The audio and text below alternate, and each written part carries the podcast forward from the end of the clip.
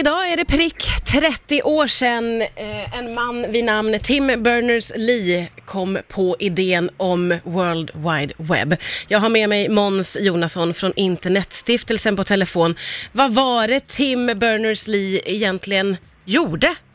Sir Tim Berners-Lee, för han blev ju faktiskt adlad för sin gärning Oh, till och med. Han, han kom på att det vore ju väldigt smart om man skulle kunna komma från en sida till en annan genom att klicka på ett ord. Så han uppfann länken skulle man kunna säga. Mm. Ja. Han, han tog text och gjorde det möjligt att länka ett ord från en forskningsrapport till en annan forskningsrapport för att kunna referera till varandra. Ja. Och lite senare så kom han på att nu måste jag nog uppfinna någonting som jag ska kalla för läsare så man kan läsa de här och klicka på länkarna också. Så då fann den första webbläsaren. ja.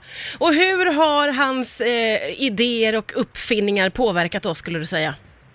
Ja, det är nästan lättare att säga vad, som, vad det inte har Ja. påverkat. För att hela, hela världen har ju förändrats sen webben och internet trädde in i våra liv gradvis framförallt på 90-talet. Nu shoppar vi, vi umgås, vi dejtar, vi höll på att säga gifter oss och skiljer oss på nätet. Men gör väl inte riktigt, men nästan i alla fall. Vi Ja. lever ju hela våra liv på nätet nu. Ja. Och det är väldigt, väldigt mycket tack vare just Sir Tim Berners-Lees eh, uppfinning. Ja, men det är ju 30 år senare. Hur var det på nätet för 30 år sedan då skulle du säga?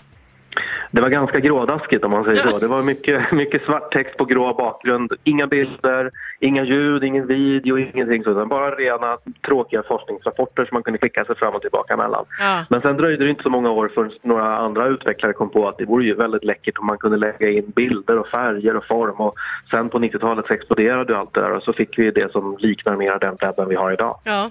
Är det någonting vi gör idag som vi inte gjorde för 30 år sedan tack vare internet skulle du säga?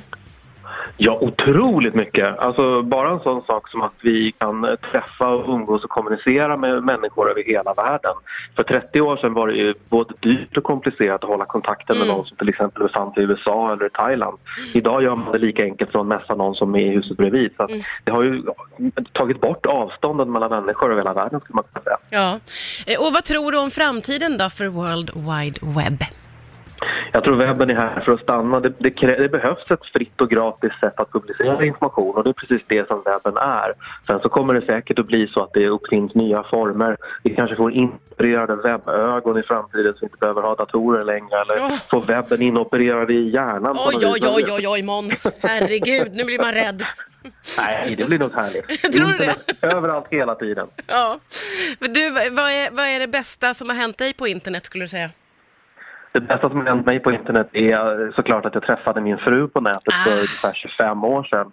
På den tiden var det väldigt, väldigt ovanligt och många som höjde på ögonbrynen när man sa att man träffat en tjej på datorn. Ja, Idag är det absolut inget ovanligt att folk träffar varandra via Tinder eller datingsajter eller så. Men, Du, eh, ni var tidigt på 90-talet ute. ansågs det något suspekt. Ja,